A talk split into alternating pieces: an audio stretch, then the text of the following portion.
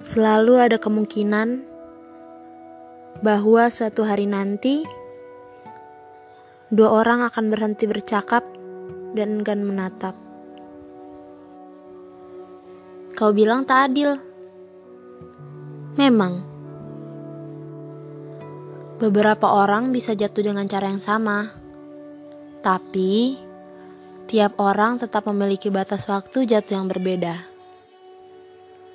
Mungkin itulah sebabnya beberapa orang lebih senang memperbaiki masa lalu daripada harus bertaruh dengan segala sesuatu yang akan datang. Karena segala sayang bisa kurang, segala yang pulang bisa hilang, dan segala yang indah bisa salah. Tapi segala yang patah bisa belajar.